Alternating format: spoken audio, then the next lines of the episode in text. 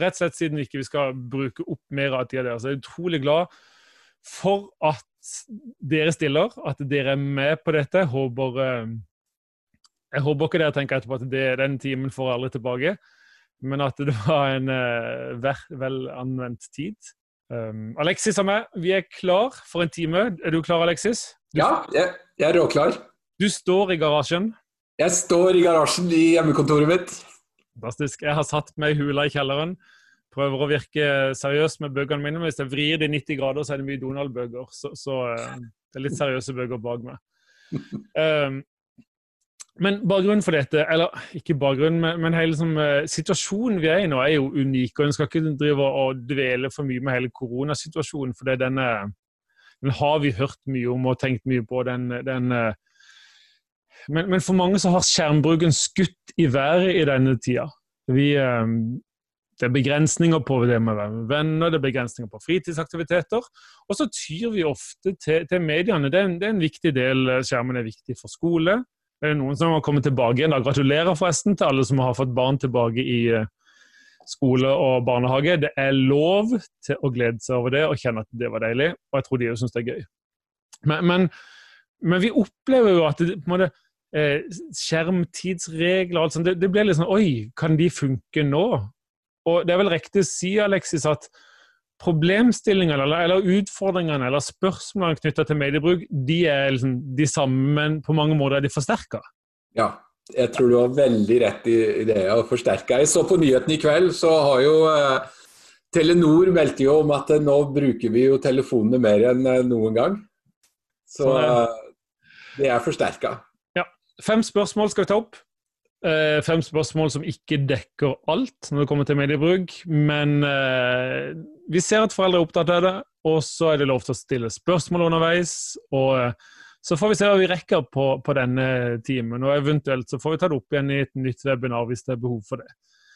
Mm. Så skal vi ha noen, og det, dette blir interessant, så skal vi ha noen sånn, to i hvert fall, spørreundersøkelser underveis.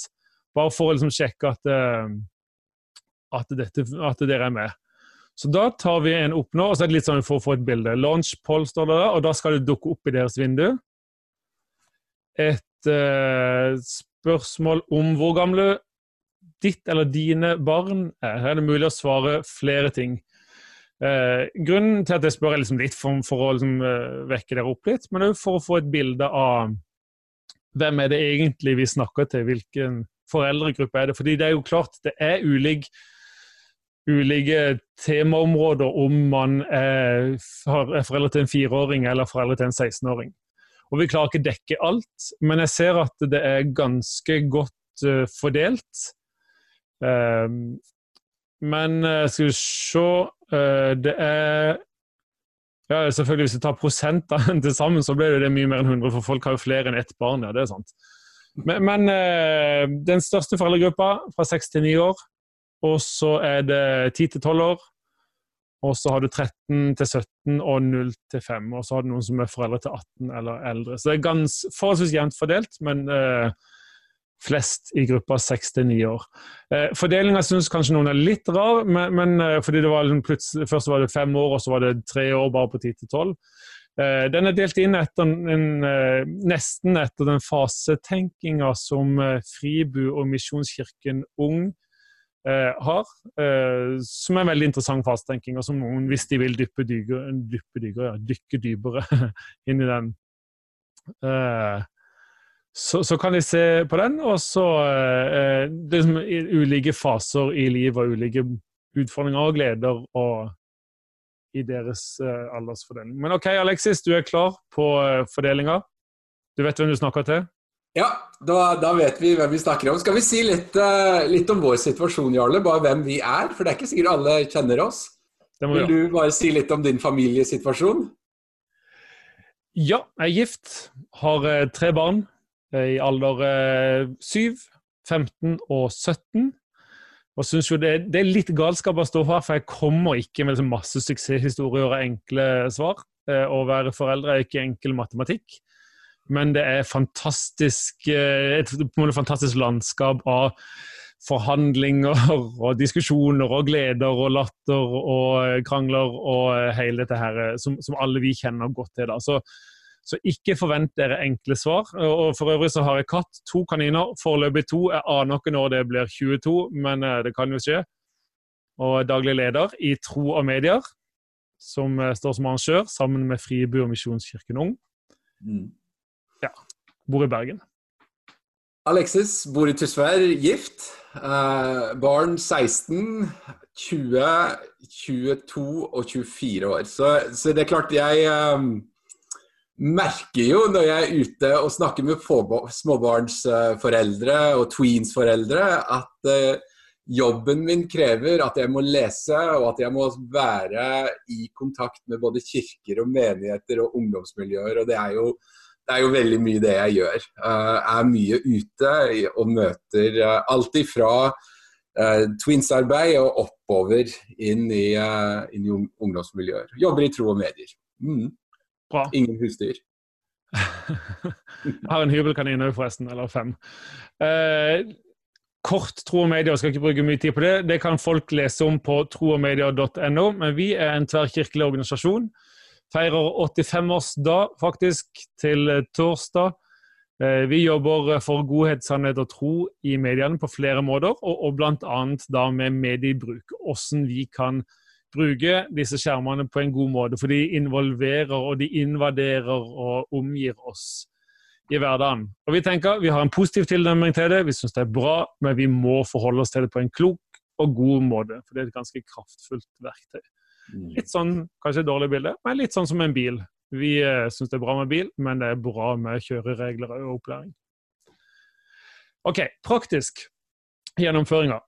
Fem spørsmål. Eh, vi forsøker å gjennomføre dette som en slags samtale, Alexis og meg. Alexis er den som skal si det på en måte faglig og fornuftig, og så skal jeg tenke samtidig og prøve å respondere. Eh, og så, så det av og til kan være seriøst òg. Og så eh, kan dere skrive gjerne fint hvis dere skriver inn spørsmål. Eh, så stopper vi så tar vi et kikk på det eh, etter hvert spørsmål. Som vi har ca. ti minutter på hvert spørsmål, pluss-minus. Eh, og Da tar vi liksom etter fem-seks minutter så ser vi har det kommet noen spørsmål, og så prøver vi å besvare de. Og så skal vi klare å holde oss innenfor tidsramma. Eh, så det står nederst på Q&A. Der er det du stiller spørsmål som vi eventuelt besvarer. Og så er det lov til å komme med kommentarer i chatten òg. Mm. Da går du på chat. OK. Er du klar, Alexis? Første spørsmål? Kjør på. For befolket er klar. Eh, første spørsmål. Hvor mye tid er det greit at barna er på skjermen? Og, og eh, før du svarer, skal vi tenke annerledes om skjermtid nå i koronatida? Nå lener jeg meg tilbake og gleder meg til å få svaret fra deg, for det trenger jeg. Ja, det, det, må vi gjøre. Og så må vi jo kanskje definere hva er, um, ja, hva er uh, underholdning, og hva er uh, nyttetid? Altså hva er, det, hva er det vi må? For barna sitter jo med, med iPader og PC-er uh, på skolen nå, så vi, vi, må nok tenke litt annerledes. Men skal vi give løs på det spørsmålet litt sånn ifra, ifra, side, ifra sida. Fordi at det, dette er jo et kjempesvært spørsmål. Og det er et spørsmål som veldig mange foreldre lurer på. Hva er greit, og hva er ikke greit? Og hva er normalt, og hva er ikke normalt? Og når er det jeg har mista kontrollen? Og når er det jeg bruker skjermen som barnevakt? For det er, liksom, det er den gnagende samvittigheten eh, foreldre gjerne sitter med. For det er, det er beleilig. Det er, det er fantastisk beleilig. Men uh, det er jo sånn at uh, vi har jo ikke noe offentlige føringer, heldigvis, på hvor lang tid vi skal bruke på å lese en bok, eller hvor lenge vi skal være på kunstgressen. Altså, Vi har ikke noen føringer fra myndighetene på det. Uh, heldigvis, hel selv om vi har fått noen føringer nå, da. Men Og hvis en liksom leser seg opp litt ifra Redd Barna, litt ifra Medietilsynet, eh, litt fra barnevakten, og liksom prøver å, prøver å, danne seg et bilde Hva er det faktisk fagfolk sier om disse tingene? Altså, Hva er det de, er det de formidler? Så er, det, så er det helt klart at her flytter de dette ansvaret over på de voksne, på å kunne, altså foreldrene, på å kunne sette rammer og grenser og sette i gang en samtale om hvordan skal vi forholde oss til dette med skjerm. For det, jo, det handler jo mye mer enn om at du skal få lov å spille i to timer, eller du skal ikke ha skjerm en time før du legger deg. For det, Noe av disse tingene henger jo sammen med søvn. Og det er jo gjerne søvneksperter som uttaler seg om. Og det kan en finne masse sånne ulike uttalelser i, eh, i, både i, fra fagmiljøer, men òg fra f.eks. Barnevakten eller Redd Barna eller Medietilsynet. Men eh, hvis vi som voksne, da, altså som foreldre, eh, tenker oss hvordan er mitt forhold til skjerm? Altså hvordan forholder jeg meg til skjerm? Og Barn er ikke så utrolig ulike oss. Altså De bruker det til å hente kunnskap, eh, og de bruker det til underholdning. Uh, og, altså det, og, det, kan på en måte flyte litt sånn i sammen, både kunnskap og underholdning. F.eks. spill. Uh, for da lærer de jo både koordinering, de kan lære matte, geografi altså De kan lære kjempemye. Så det å finne en balanse på hvordan skal jeg sette gode og sunne grenser for barnet mitt som kanskje vil være veldig mye på skjerm, ja, det vil jo være helt ulikt i alle de tusen hjem. Men hvis en tenker på hva gjør vi utenfor skjermen? Altså hva er alternativet? Og det er klart, Der er det jo virkelig skoen trykker på oss voksne. For hvis det eneste alternativet barna har som kommer hjem klokken to eller tre fra skolen, fram til leggetid klokka, klokka ti eller ni eller halv ni eller åtte, er skjerm, ja, da er det jo faktisk ganske utfordrende å tenke på hvordan skal vi finne noen andre alternativer. Så det er klart, der er vi ulike. Og jeg har snakket med kjempemye foreldre om disse tingene. Og jeg bruker jo mitt eget liv, eh, mine egne erfaringer, og vi har, vi har måttet sette lite grenser. Fordi at eh, vi har hatt ting som har vært utenfor skjermen, altså fritidsaktiviteter, som vi har tenkt har vært kjempeviktige. Om det er musikk eller idrett, eh, altså kultur, andre ting. Og så finner barna en balanse på dette med veiledning. Nå vil jeg, nå vil jeg rekke opp hånda og kommentere noe her. For er det en fare at når man snakker om skjermtid, så, så signaliserer ofte vi foreldre litt sånn ubevisst, eller barna føler sånn at det, det ideelle er minst mulig. Det ideelle hadde vært ikke skjerm i det hele tatt. Og så sitter de der med litt sånn dårlig samvittighet for hvert Eller det er jo noen som ikke har som så øm samvittighet, men altså, du, du, sitter med litt sånn følelse at dette liker egentlig ikke mamma og pappa. Er ikke det en litt sånn Jeg har i hvert fall opplevd at det må man være litt bevisst på som foreldre, at ikke vi signaliserer det. For jeg tenker at det er jo ikke det som er målet. Minst mulig. Jo, selvfølgelig, hvis, hvis det er det de vil, så er det greit. Men men gaming mener jeg vi skal anerkjenne som en hobby på lik linje med andre hobbyer. Mm. Uh, og så vil man kanskje si at ja, men det, er jo, det ligger an sunnhet i å, å, gå i korps og spille tuba, eller å, å spille venstreback på, på, laget. Ja, det, det, det, tror jeg nok er et poeng i. Med, og, og, alt det med frisk luft og sosiale interaksjon og sånne ting. Men det finnes definitivt mye sosial interaksjon òg i spillandskapet. Så, så bare en sånn refleksjon om at det, Litt opptatt av at ikke vi går oss fast i den, som du sier, tidsspørsmålet, og det er det. Eh, det ene er hva fyller vi resten av tida med, eller hva er alternativet? Altså, har vi en, bygger vi en relasjon med barna våre som er god, eh, som gjør at de opplever seg sett? De opplever seg at når, når mamma og pappa når jeg slutter, så er de til stede, eller de sender meg ut og jeg har noen barn og lege. Altså, det fins andre ting som er gøy, og det betyr ikke at vi foreldre alltid må stå på pinne for dem, men, men legge til rette for, for en annen aktivitet tror jeg er bra. Ja. Men, men jo den her liksom Ikke stenge den døra som gjør at ungene liksom lukker litt igjen, og så tenker jeg OK, nå er jeg her bare fordi mamma, mamma og pappa liker det egentlig ikke, og så jeg får bare være her litt sånn i trass. Mm. Istedenfor å som, tenke at um, jeg, jeg, har jo lyst til å la en tilnærming og si at Gud har gitt oss 24 timer i døgnet. Det er en fantastisk gave han gir oss hver eneste dag. Liksom, Vær så god, Jarle. Vær så god eh, barna mine. Her, her, er 24 timer i gave. De vil inneholde eh, krevende ting, de vil inneholde gleder, de vil inneholde mye av det du også velger. Mm. Og hvordan velger du å forvalte disse, denne gaven hver eneste dag? Det har jeg litt lyst til at jeg tror jeg er sunt at barna lærer at ja, ok. Eh, F.eks. begrepet å slå i hjel tid det er kanskje ikke det beste å lære. Det er, liksom, det er akkurat som at det er noen liksom, vi må, et, vi må bare få kasta det vekk på en eller annen måte. Nei, nei, det er en gave fra Gud. Og, og den skal vi forvalte på en, på en, god måte. Og det kan innebære gaming. Det kan innebære sosial interaksjon i sosiale medier osv. Men den balansen du har, er, du snakker om, hva, hva, er viktig for oss? Snakke med barna om hva, hva, er egentlig viktig for oss i livet? Hvem, hvem vil vi preges av? Hvem, eh, å snakke om blikkontakt, ikke minst, og det må jo vi modellere som foreldre òg. Eh, for den eh, Jeg har hørt helsearbeidere snakke om at, eh, eller helsesøstre som snakker om at eh, barn utvikler tidlig mobilsjalusi fordi de opplever at foreldrene er mer opptatt av, av skjermen. Eh, så blikkontakt, tilstedeværelse som foreldre skal modellere noe her i dette landskapet som, som, gjør at spørsmålet om tid er mer komplekst og sammensatt enn å bare snakke i, i timer eller halvtimer eller to timer. Men, men så det var litt sånn uh, ullent svar ifra oss. Men er ikke det greit da, Jarle? Fordi at jeg òg er jo der at jeg syns det, det, er, det, er, de foresatte, altså det er foreldrene, som skal bære dette. Altså Det er de som gir en iPad, det er de som kjøper en smarttelefon. Og Da må du òg ta ansvaret for hvordan skal jeg begrense det. Jeg skal bare dele en, en, en kjapp slide fra, fra Medietilsynet. som egentlig, den er, den er, utrolig bra, hvis du ser på denne. Altså Små barn da, og skjermbruk. Altså Vær sammen med barnet om medieopplevelsene på nett, TV, mobil. Skap tydelige rammer for medie- og teknologibruk i familien. Sett deg inn i tjenester, innhold, teknologi og aldersgrenser. Lær barnet gode nettvaner tidlig.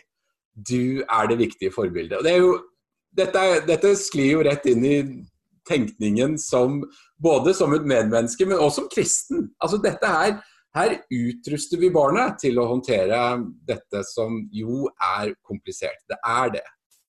Veldig bra. Du, det, det var en eh, god slide uh, til å ta oss eh, videre på neste spørsmål. Det er ikke kommet noen spørsmål akkurat til tids, tidsbruk. Hvis noen kjenner at de brenner inne med et spørsmål du skulle ha stilt til dette temaet, så er det lov til å skrive det inn i etterkant. Men eh, vi må gå videre til neste spørsmål nå. Hvordan eh, kan jeg tilegne meg kunnskap om spillet barnet mitt bruker mye tid på? Eh, det er lov til å skrive hvis dere vil. Dele med, om, om, hvilke spill som spilles i hjemmet deres, hvis dere vil det, for at vi kan få et bilde der. Eller sånn som tenker at nei, det har jeg ikke lyst til å dele, det er helt lov. Eh, men hvis noen vil dele litt erfaring om hva som spilles hos dere, så skriver du det i chatten. Alexis, ja. hvordan kan jeg tilegne meg kunnskap om spillet barnet mitt bruker mye tid på? Nei, Da handler det jo om hvilken dialog har du med barnet. Uh, og det handler om uh, et voksenansvar om å vise interesse for noe du kanskje ikke er så veldig interessert i. Uh, fordi at det, dette med spill og gaming har ofte litt sånn, litt sånn som du sa med tid, litt sånn negativ, litt sånn negativ vinkling. Fordi at de voksne syns at barna heller burde gjort noe annet. Som å være ute og, og spille i skogen, sånn som jeg gjorde. Uh, altså vi, vi spilte cowboy-indianer, noe så helt enormt ute i skogen. Men så er det dette med det å kunne sette seg inn i hva er det spillet handler om. Um, hvordan fungerer det? Og kanskje det aller mest viktigste, altså det aller mest, mest viktigste er jo er det, hva er det som skjer i, uh, i chatten. Og nå ser jeg jo, nå er det Fortnite, Minecraft og Roblox uh, vi får opp her. Uh, Beat to Saber og Roblox. Og dette er jo dette er jo klassiske spill som, som, barn spiller. Og det er klart, det å sette seg inn i hvordan fungerer spillet, da må du sette deg ned med barnet. Uh, og ta med deg et glass brus. Eller ostepop. Altså, ta, altså kom inn med, med godvilje. Fordi at det, det, er jo omsorg. Altså, jeg bryr meg om det. Uh, og jeg bryr meg om hva du holder på med, og jeg bryr meg om hvem du snakker med uh, i chatten. Fordi at det er jo der en del av disse negative, negative tingene som med tanke på språk og atferd og holdninger og verdier plutselig blir veldig forma. Og så er det et lite sånn varselting til. da, Det er jo YouTube når det kommer til spill. Altså, Disse Fortniterne som har spilt Fortnite nå et par år, de følger gjerne ja, Ninja f.eks., som nærmer seg 100 millioner unge mennesker som følger med på hva han gjør, gjør for noe. Og da har du noe for seg. Jo, sett deg ned på YouTube og så se litt på hva er det han streamer, det, hvordan snakker han, hvilke holdninger og verdier har han.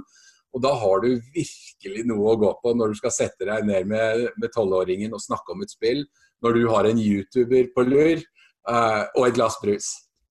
Fordi at det, det, det, krever at du er på banen, rett og slett. Kan, kan, jeg, kan jeg, få lov til å prøve å dele skjermen her? Ja. Uh, hvis jeg finner den. For nå hadde, jeg hadde egentlig en, eh, en god slide her fra Damaris. Ja. Som, som, har delt noe viktig med oss. Men den, uh, av en eller annen grunn så kom det ikke opp. Så da, så, er, det den fem fingre? er det den fem fingre, Jarle? To tomler, fem fingre. Den kan funke i dette tilfellet. For jeg tenker at Damaris, en organisasjon som uh, jobber med å koble kristen tro, populærkultur, en del av tro og medier, de har en som uh, Vi skal dele den her. Veldig enkel. to tomler. Kommer den opp til dere nå? Ja. Så bra. Hva liker jeg her, og hvorfor? Hva liker jeg ikke her, og hvorfor? Det, det er liksom den derre helt sånn elementære og, og, da er det ikke sånn da skal, man, da skal, man, komme inn med ostepopen, som du sier, eller eh, kanskje ikke få det på tastaturet, men den er positiv til dem, nysgjerrige. Eh, ikke denne her 'Å ja, hva liker du her?' og ikke og hva det som er Men, men, eh, men eh, prøv å få en samtale. Si, ja, 'Hva er bra her, og hva er ikke bra?' Hva er tommel opp, og hva er tommel ned? Uh, hva, hva er, og, og, liksom gå litt videre, Hva er historien i her? Hva er, som familie, hva er, liksom, er Fortnite-budskapet? Jeg snakka med en, en, skoleklasse en gang og liksom om hva Det er en ganske brutal historie, egentlig. liksom Last man standing. Uh, er det tommel opp eller tommel ned? Jeg sa De fleste hadde jo tommel ned, da. Men, men, men også går nesten at det betyr ikke nødvendigvis at jeg som foreleser skal si at det skal man ikke spille. Men jeg ønsker å sette i gang refleksjonene hos de som spiller, og at foreldre og barn snakker sammen om det. At, okay, det, det, det betyr ikke at alle tommel ned betyr det får man ikke lov til å spille. For i det øyeblikket man har satt en tommel ned og drøfta litt og snakka litt fram og tilbake om hva vi ønsker å påvirkes av, så kan det være noen ganger at ja, noen kompromisser må man inngå. Eh, og, og, den fem fingre er jo en litt sånn, det, det, er kanskje enda mer i møte med film, men den hjelper òg i møte. Man begynner med lillefingeren. Syns du filmen eller spillet var spennende, morsom, skummel, trist? og liksom, hva, hva, er det som er, hva, hva, føler du i dette landskapet, og hvorfor? Eh, hva, du, hva liker du best med det, og hvorfor hva liker du ikke det med det, og hvorfor? Eh, hvem identifiserer du deg mest med? Altså, eller hvem vil du helst vært i spill? Hvem kjenner du at du er helten, og hvorfor? Um, og, og, så, og, så, kommer et spørsmål som jeg tror er viktig, men som man må stille på riktig måte. Hva tror du Jesus hadde vært glad for i denne filmen? Og, og det, er en, det, er en, det, er en, spørsmål som jeg liker formuleringer på. for det at ikke vi, eller i dette spillet, at de kan si Uh, hva tror du Jesus ville sagt uh, hvis han hadde sett deg spille dette? Det er ikke den, det ikke den tilnærmingen vi skal ha. Men den derre åpne Ja, hva det er Jeg tror nest, nesten alltid så kan vi starte med å si at ja, dette hadde Jesus vært klar for. Dette er på en måte dette er positive trekk. Dette er ting vi kan bekrefte eh, i, i, spillet. Og så betyr det kanskje at ja, men etter hvert så må vi kanskje finne andre ting som ikke han ville bekrefte. Og så må foreldre og barn eh, gjøre en, eh, en, vurdering videre på det. Jeg syns at disse to tomler, fem fingre, eh, kan være en, en god sånn samtalestarter. Mm. Eh, sjekk gjerne mer ut på snakkomtro.no til Damaris, der de har ulike filmanalyser og lignende. Eh. Veldig god. Og dette er jo gode spørsmål inn mot både serier og alt som barn, barn ser på. Men du, ikke, la oss ikke slippe spill helt. Jeg skal bare komme inn med en liten sånn annen slide her. Jeg skal dele den. Um, og Det er fra Vestforsk i, uh, i Sogndal, som, som har forska, kjørt et forskningsprosjekt på dette med spill. og jeg vet jo at dette er utfordrende knytta til både grenser, uh, utenforskap og alle disse tingene. Men de har noen, som du ser, det er noen helt konkrete ting som har plukka ut fra den rapporten. Det å ha god dialog. Altså masing og straff, det, det blir det dårlig stemning av. Uh, det å spille sammen, god dialog. Uh, det å skape gode vaner. Og det kunnskap, og det å være ærlig og åpen. Og det er jo litt det som Jarles snakker om her. og det er jo å istandsette barna til å tenke. For er det, noe, er det noe som er viktig i dag, så er det jo å istandsette barn til å faktisk tenke og reflektere over hva er det som skjer her. Og da, da, må vi, som det sto i slutten på denne sliden, være tydelige voksne. Som tør å både modellere og, og uttale og stå for noe når det kommer til uh, f.eks. spill. Jeg, jeg, jeg, er brutal når jeg snakker om spill, eh, gjerne ute i skole. Hvis jeg snakker om 18-årsspill eh, til foreldregrupper, så viser jeg gjerne filmklipp fra det, som er ganske brutalt. Og Da kan det ofte sitte en mor eller en far og tenke oi, dette fikk jo påstand til jul i fjor av oss. Og de uh, har ikke tenkt igjennom saken godt nok. Bra. Eh, det betyr at foreldrerollen er litt eh, vi, vi, må tåle Du sa at da ble det dårlig stemning. Vi må av og til tåle dårlig stemning. Vi skal, vi skal ja. våge å være foreldre. Men jeg, jeg, tenker litt dette når vi snakker om, om, om grensene og, og, det å våge å sette grenser. Det å si nei vil vel alltid kreve mer, og at vi snakker med barna. Hvorfor setter vi grenser? Altså La de skjønne, for, for det å si ja, det er ganske sånn smertefritt. Kan jeg ta en is? Ja da.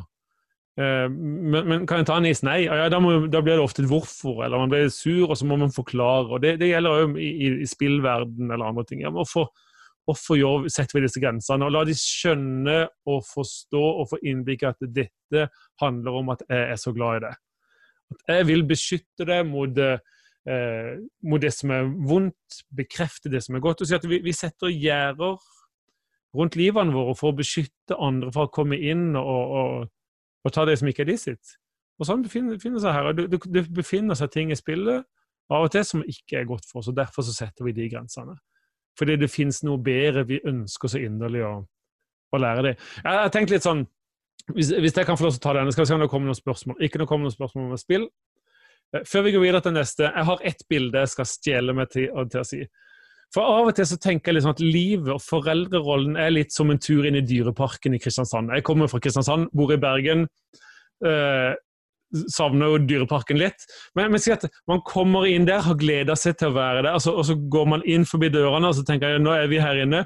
Nå bruker vi som foreldre resten av dagen på å fortelle hvor, hvor en grensene mot dyreparken går. Liksom, ikke gå bort til Sørlandssenteret, og du må ikke gå ut i bilen. Og du, altså, vi, vi, kan ha så mye fokus på grensene og på det man ikke skal gjøre, at man mister gleden over det man faktisk kan gjøre og kan utøve. og Setter man grenser i spillverden, ja, kan man gjøre en liten ekstra innsats til å finne alternativer som er gode?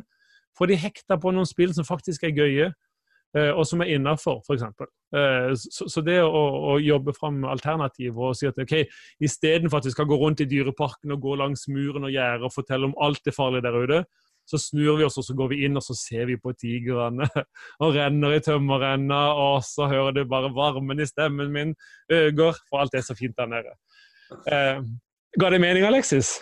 Ja, jeg syns ja. dette er veldig bra. og jeg, jeg, hører jo etter hvert som vi liksom For det er klart, vi gjør dette litt sånn, litt sånn løst, fordi det, det, må være sånn når vi gjør det, et type webinar sånn som dette på kveldstid for foreldre. Så, så blir det mer en samtale. Men jeg hører jo at vi liksom hele tiden Eh, prøver å utruste foreldre til å være ansvarlige voksne. For det er jo det vi hele tiden trenger å utfordres på.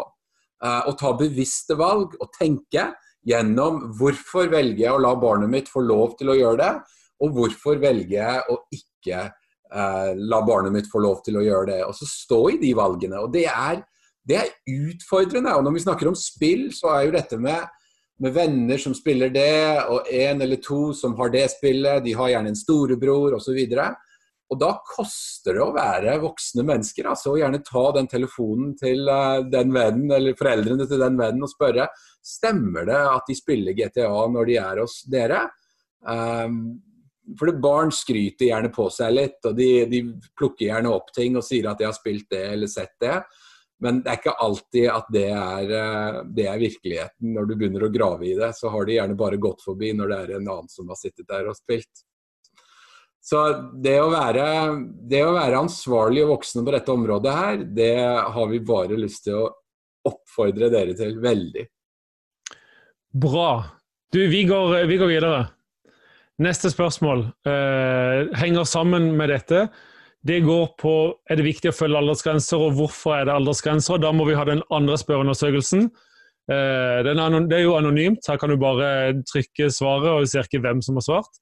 Og her er spørsmålet, skal bare sjekke sånn kjapt med deg. Hvor strenge er dere når det gjelder aldersgrenser Én der dere er ikke strenge i det hele tatt. Fem der dere er veldig strenge. Uh, og her ser jeg at folk er strenge. Alexis, det kan godt være at du må legge opp til et litt sånn uh, Jeg husker det var en i barnevakten en gang som sa at noen foreldre må man skremme for at de skal skjønne alvoret, men noen foreldre må man òg uh, roe ned litt, sånn at de skal skjønne at det ikke er så farlig som man tror. Og her er det 52% som, som sier at de er på fire, faktisk. 30% som sier de er på fem, veldig strenge. Mm. Og 19% som er på en treer, og 3% som er på en toer. Da avslutter vi den. Og uh, interessant. Da, da, har vi en ganske streng foreldregruppe med oss. Bare sånn at du vet det, Alexis, når vi når videre. Eller så kan det godt være at de syns de er strenge, men de kjempeslappe. Nei da, jeg tror nok uh, men er det, er det viktig, Alexis, følge aldersgrenser? Og hvorfor er det aldersgrenser? Litt sånn, ja, eh, hvorfor er det alder... Og hva er aldersgrenser? Og ja, litt, sånn, litt faglig her. Altså, Hvordan ser dette landskapet ut? For det er ganske komplisert. Det er jo For det første så er det egentlig to, to ulike ord. Det er, det er juridisk aldersgrense. Uh, og det er det f.eks. På, på kino. Uh, og, det er, uh, og det kan være utviklere som setter gjerne en aldersgrense på apper uh, eh, pga. at det henger sammen med personvernloven. Som da er et klart skille når en person fyller 13 år. Da er det lov å lagre et gitt antall opplysninger enn en, om en person ikke er fylt 13 år. Og så har du liksom den anbefalte aldersgrensen, og dette vet jo barn. da, de jo, Dette tar de meg på hvis jeg er ute i skole med en gang og ikke sier at PGI-merkingen den er anbefalt aldersgrense. Uh, og det er, uh, det er, to, det er to liksom baller, og egentlig flere baller å sjonglere her. fordi at både Google Play og, og, Windows og AppStore har ulike anbefalinger på de samme appene. Fordi at de har kommet til en ulik vurdering. og Dette skaper jo ganske mye forvirring inn i dette her aldersgrensekaoset som vi egentlig opplever. Men den gylne regelen det er personvernloven, og det er 13 år det er liksom, da er det sosiale medier med de registreringene som er etterpå. Men uh, det er jo òg en mulighet for foreldre å godkjenne og si at du får lov. For det er ingen som vil bli straffa. Altså, det det, dette er en, en, en, føring som er satt, men allikevel så ligger foreldrene bak som liksom den som har ansvaret for at et barn under 13 år får lov til å bruke Snapchat eller Facebook eller Instagram eller TikTok, som nå kanskje er den som er mest aktuell av sosiale medier. Og det er klart, da har vi, da har vi dette med hva skal vi bestemme oss for, og jeg er der. Ja, vi skal holde på aldersgrenser og la de være barn så lenge som mulig. Og hvis det er noen sånne avvik, hvis en tenker at OK, jeg ønsker å gi deg en tilgang til det, så må det være en gjennomtenkt, en bevisst handling. Og helt klart en begrensning rundt da barnet sitt bruk på den, den applikasjonen. Eh, et konkret eksempel på det er jo Jeg har hatt jenter som har reist og bodd i eh, store deler av verden. Uh, og da jo, hadde jo vi nå er vi, vi, er jo, vi er liksom tilbake noen år nå, så da var det jo det var før Snapchat. Da var minstemann for liten til å ha sin egen messenger. Men da lagde jeg en messengergruppe som han fikk være med i. Og han fikk en konto som da var min, for å kunne være med i familieopplegget. Men det var min konto, det var ingen andre venner. Uh, det var ikke mulighet for å kunne gå inn på Facebook før han var da 13 år. Sånn, sånn bestemte vi det.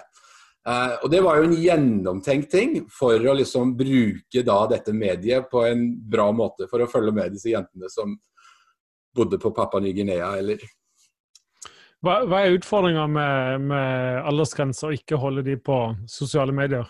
Utfordringen er ganske mange. Uh, det er ganske mange, fordi at uh, Da er vi liksom inne i hele dette sjiktet hvor at en mister noe av kontrollen på hvem er det barna faktisk snakker med, eh, og hvem er det som snakker til barna. Eh, jeg er veldig for å ha lukka brukere på barn. Eh, at barn har en lukka bruker, og at en da vet hvem som skal være det, hvem som skal både se, både livestreamer og bilder og hele den pakken. Men det er liksom bare et, eh, et, et safety rundt liksom selve kontoen. Men eh, det å ikke følge, eller det å ikke følge aldersgrenser skaper jo òg ganske stor sånn presedens i hele venneflokken. For jeg opplever jo, som i denne gruppen her, at det er ganske mange strenge foreldre. Uh, altså Jeg opplever det. Det er mye strenge foreldre. Og jeg treffer kjempemye barn. Jeg er jo ute i mange skoler og treffer mange barn som sier til meg at uh, de må vente til de er enten 12 eller 13 år. Det er liksom Noen gir seg på det siste året der. Uh, og det er liksom Det er foreldrene sitt valg. Men jeg er tilhenger av å følge angitte og anbefalte aldersgrenser. Og så er jo dette med anbefalte aldersgrenser, de er jo laga ut ifra at det er jo fagfolk som har sittet seg, seg ned, og så har de sett gjennom materialet, om det er en film, eller om det er en app, eller om det er noe annet innhold. Så tenker de dette passer jo faktisk best til et menneske som har passert 13 år, eller et menneske som har passert 6 år, eller hvor de nå setter denne aldersgrensen. Og Da er det å ha litt tillit til det. Men uh, et moment er jo at man uh, som forelder så vil man kanskje av og til òg sette en høyere grense, rett og slett ikke fordi nødvendigvis at det er det skadelig innenfor den forståelsen, men fordi de formidler andre verdier enn det man ønsker å stå for. Det vil jo være noen tilfeller der man sier som far eller mor at dette, ja, ok, du er gammel nok, men det som formidles her Du sier det kanskje på en litt enklere måte, da, men, men det som historien her, verdiene her, det som formidles som sant, det ønsker ikke jeg at barnet mitt skal bli prega av. Ja. Noen sånne tilfeller vil det nok oppstå. Ehm, så det er ikke sånn gammel nok, kjør på. Uh, det gjelder verken på 18-årsgrense eller lavere grenser. Så, så, så, igjen tilbake igjen, det handler om ansvarlige foreldre som vil barna sine det beste, og dermed må involvere seg og forstå hva, hva de er med på, og så ta den viktige og gode samtalen. Og så, så har jeg lyst til å, å snike inn et bibelvers her. Eh, ordspråkene 423. Eh, bevar ditt hjerte framfor alt du bevarer, for livet går ut fra det. Det er Noen har kanskje hørt det mange ganger, men det er jo endelig viktig. Og, og det, det, er det, det, er det mest dyrebare vi har, og det er det er en kamp om vår oppmerksomhet, om vår uh, tid, fordi den kan omsettes i, uh, i, i deres penger. Men det er òg en, en liksom ubevisst kamp om verdier. fordi de som lager spill, de som lager film og de som lager innhold, de har verdier. og Noen ganger så er de bevisste på at dette ønsker jeg å prege brukerne. Noen ganger så er de ikke det, men de bare forteller noe som de syns er bra. Helt naturlig at ja, okay, dette er liksom mitt verdensbilde av hva som er rett og galt, og gøy å dele og ikke. Og så preger det i neste omgang den historien og det budskapet som formidles. Så, så så ta med oss den her i møte med aldersgrenser, så handler det om hva, hva mener vi er godt for barnet? Hvilke verdier? Mener, hvor, er, hvor, er, hvor, er, kilden til det som er rett, sant og godt? Og er det med. Eh, jeg håper ikke det ble for moralistisk, men at man skjønner at dette handler om å, bevare det dyrebare i barnet. Ja, så utruster du jo barnet til å tenke. Ja. Det, vil, det, vil, det barnet trenge når de blir ungdommer. Det er helt sant. Og går inn i den unge voksne fasen av livet òg. Så må, ja ja, vi, vi må tenke hele livet. Ja, det er sant. Vi må videre. Kjør på. Jeg er jo, kjøpe, jeg er jo spent på om jeg skal som henger dere med. Jeg er jo vant til å se om folk sovner eller eh, sånt, men, uh, nei da, de, de, satser på at dere henger med. Det er, det er veldig bra. Spørsmål uh, fire. Hvem er egentlig alle andre, Lexis? Gjelder det faktisk alle? Altså det er ja, men alle andre gjør jo. Kan du si noe på en måte faglig om det? OK, jeg, jeg, skal, jeg skal, prøve meg. Når, når, barnet sier at alle andre, og barnet er mellom 9 og 18 år, hvis vi har det spennet, at alle andre ser på YouTube, så har barnet rett. For, okay. Fordi Medietilsynet sine 2020-tall sier at 95% det er så godt som alle andre, av barn mellom 9 og 18 år um, ser og bruker YouTube. Um, 80% av de bruker Snapchat, og 65 på TikTok og 65 på Instagram. Så det er klart, dette med alle andre er jo et argument som ikke er noe nytt. Altså Det er ikke barn nå som har funnet opp dette. Men når det kommer til mediebruk, så må vi nok være klar over at svært mange barn har tilgang til både sosiale medier, uh, til YouTube, um, til Netflix eller Viaplay og strømmetjenester. Um, men er det sånn, da, at hvis det skal være 70% eller 60 er det det som skal bestemme hva vi gjør hjemme i huset vårt? Jeg håper jo ikke det, at det er sånn. Uh, jeg håper for all del ikke at det er sånn. Men når det kommer til mediebruk, så, så, må vi liksom innse at svært mange barn, både unge, har mye tilgang. Og det å forklare et barn at vi ønsker å gjøre sånn som dette hjemme hos oss, uh, og det er greit at nesten hele klassen har det, men når du blir så gammel som det, så får du lov til å ha det. Det tenker jeg at uh, voksne og foreldre er i grunn i sin fulle rett til å gjøre. Så nå veit ikke jeg om jeg egentlig slo i hjel spørsmålet ditt, Jarle, når det kom til uh, hvem er alle andre. Iallfall når det kommer til YouTube, så bruker barn YouTube så det holder. Men jeg syns det er et veldig godt innspill, dette med at uh, er alle andre altså noen, eller, noen ganger så er, så er, alle andre et godt argument for barnet. Eh, noen ganger er det ikke. Og der kan ikke vi si det her Noen ganger så må foreldre vurdere er det verdt kostnaden i dette tilfellet at barnet mitt skal være motstrøms. Og i andre tilfeller så er det definitivt verdt kostnaden at man skal være motstrøms. Um, jeg har altså, Når man snakker hjemme, de sier at ja, men alle andre er, når det blir litt større, så sier de at alle andre er ikke alltid et godt begrep. Hvis du sier at alle andre går på fest og drikker seg fulle, mm. så er ikke det et godt nok begrep. Hvis du sier at alle andre kameratene ser på porno, eh, så er ikke det et godt nok eh, argument i møte med det. Eh, men i andre tilfeller så, så ja, skal jeg være den eneste som ikke får lov til dette, ja, så må man kanskje inngå noen kompromisser og være litt slakkere. og jeg husker et spørsmål i gang som ja, skal, skal barnet mitt få lov til å gå i Fortnite-bursdag?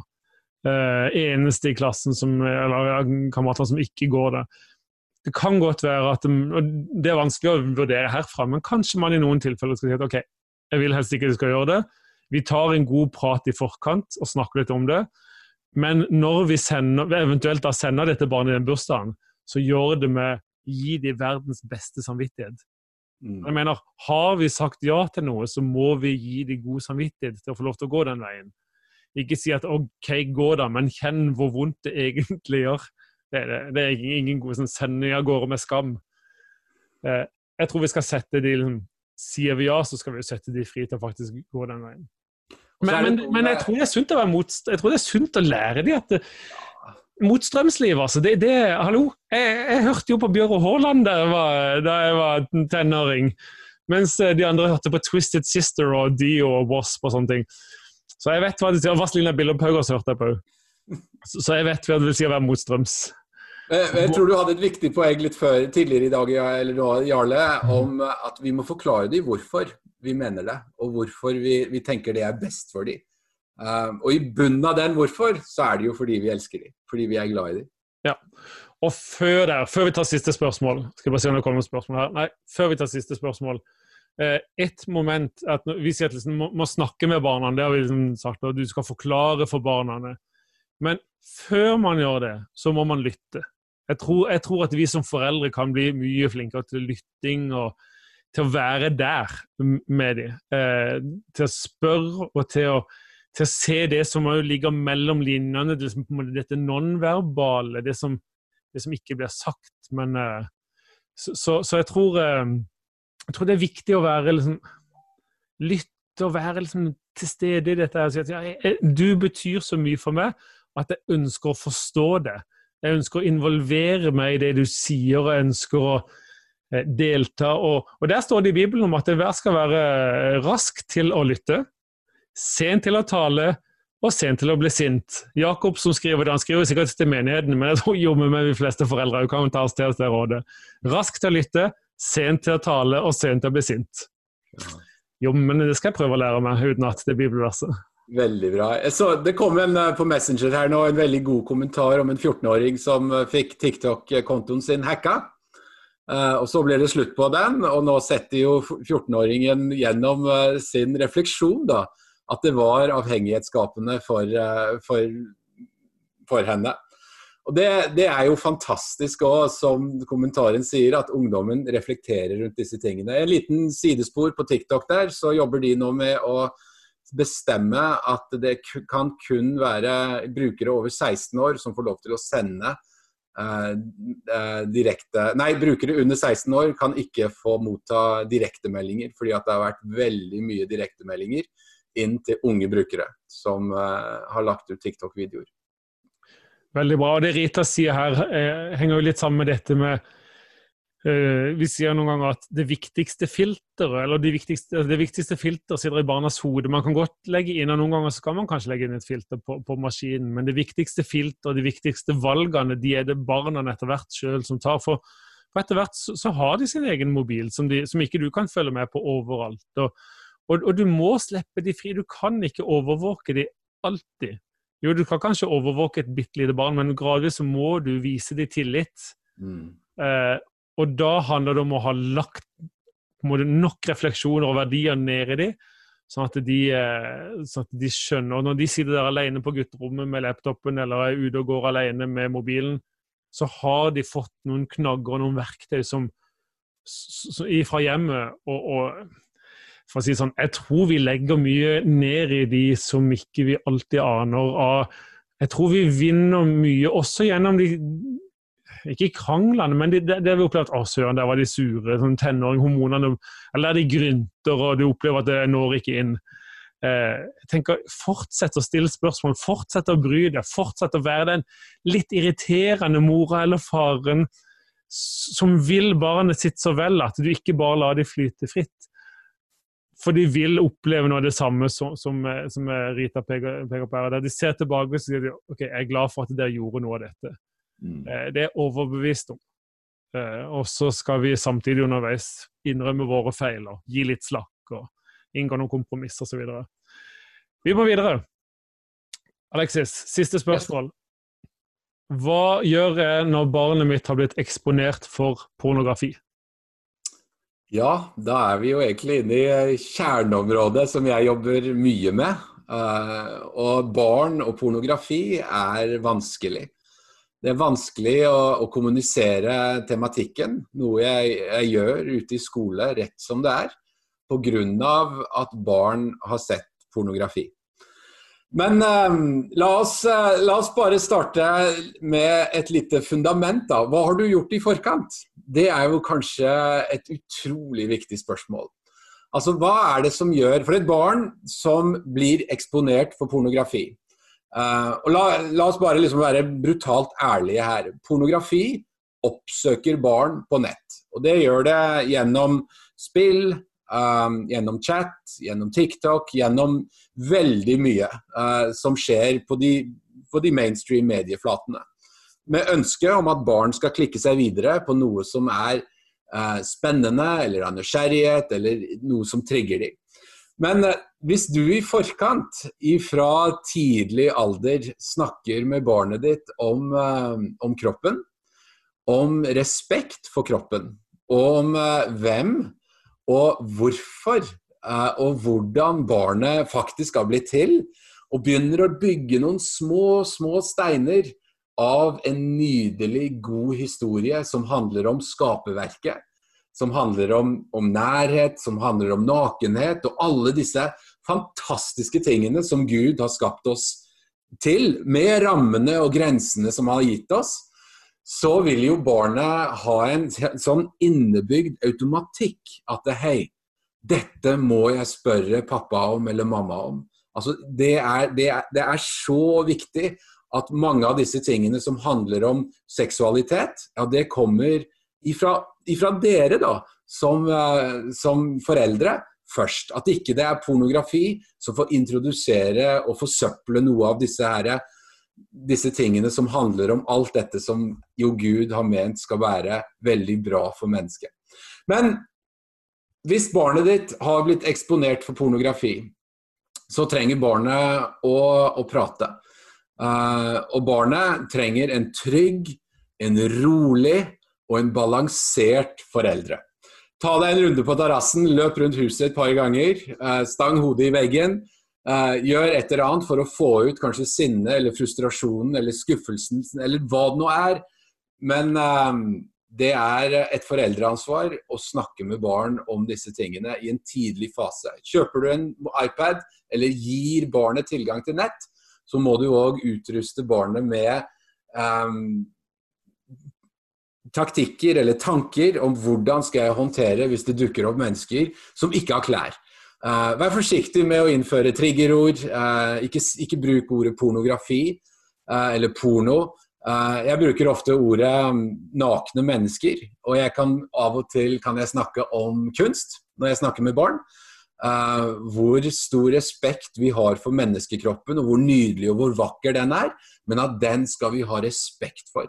Det som kommer opp på nettet, er respektløst, og det er jo en utnyttelse av menneskekroppen. Så det å prate med barnet og skape For all del, ikke kom med en sånn skammebakteppe at dette er noe du må skamme deg over uh, for å ha sett, men prøv å holde barnet nær inntil deg, og skap og fortell en god historie om både kropp og seksualitet på et barnslig språk.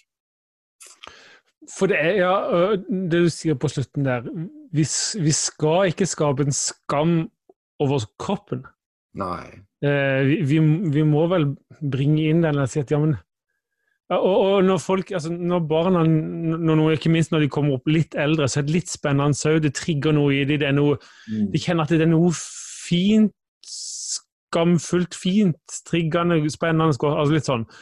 Og det tenker jeg at det, vi må på en måte vi må anerkjenne deres følelser og si ja, men det er selvfølgelig er det det, fordi Gud har skapt denne vakre kroppen.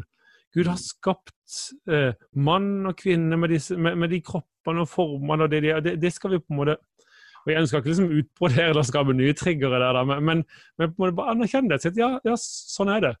Eh, og, og, selvfølgelig er det fint, men, men så finnes det så finnes det en variant av det. og Vi, vi tror jo at eh, i det kristne verdensbildet så, finnes det, eh, så, så, tror jeg at det finnes ondskap, så tror jeg at det finnes en djevel som vil ødelegge. Og Johannes 10, 10 sier at djevel, eller tyven er kommet for å stjele, myrde og ødelegge. Eh, jeg er kommet for at jeg skal ha liv og overflod, sier Jesus. Så jeg ikke vi nødvendigvis sitere det verset liksom sånn at du vet jo at djevelen har kommet for å Men, men, men ha den her grunntanken i bunnen og si at ja, men vi tror at det finnes noe godt i dette, og så tror vi at det, det finnes noe som, som vil ødelegge det, og som, som som, noen som bare vil tjene penger på å vise fram lagende folk. De vil oss ikke noe godt. Men hvis vi flytter det inn i de rammene som Gud har gitt det, så er det utrolig fint. Og det skal de få, ta, liksom, det skal de få lov til å skal få lov til å glede seg over den kroppen Gud har skapt de med, og når de vokser til, så skal de få lov til å glede seg over å kjenne spenninga i møte med den man vil dele livet med. Mm. Uh, dette er jo et krevende landskap, da, men, men uh, jeg tror du sier dette peker på at ikke skap den derre skammen, det er noe galt med meg. Og så i det kristne landskapet så har vi jo altså de som selv oppsøker det og lever der og blir avhengig av det. Eh, også de skal få, få de, skal peke på nåden. Og si, men, mm. også det er sona på Golgata, vi skal bruke veldig sånn kristne ord. Mm. Eh, også det er sona der. Også det, og, og, det skal vi Det er alltid mulighet for en ny begynnelse i Guds rike, og det er jo helt fantastisk. Um, og det, vi kan jo bare si liksom, bare sånn helt, Nå går vi ikke i dybden her, vi skal jo snart runde av. Men at pornografi, det er, det er skadelig. Um, det skader sinnet, det skader tankene, det skaper avhengighet. Uh, og det er helt klart noe som jeg fra min side, når jeg jobber med dette, ser veldig, veldig mange vanskelige historier og barn som har mye spørsmål knytta til dette. Det å, det å, skape en trygghet hjemme, at barn faktisk tør å stille disse spørsmålene som handler om seksualitet eh, hjemme, det er sterkt å anbefale. Fordi at eh, bransjen, altså den pornografiske bransjen, den står klar eh, til å kunne ja, både stjele og ødelegge på veldig mange områder. Det er sant. Tror du vi har sagt det vi skal si om eh, pornografi? Og så skal jeg kommentere en eh, Det, kom noen, eh, noen spørsmål i, eh, her. og fra jeg som opplever dette med utfordringer med oppdragelse av en, en 13-åring. og Det skal vi være varsomme med å si det her. Eh, Alexis og Jarle langt på avstand og mener for mye om.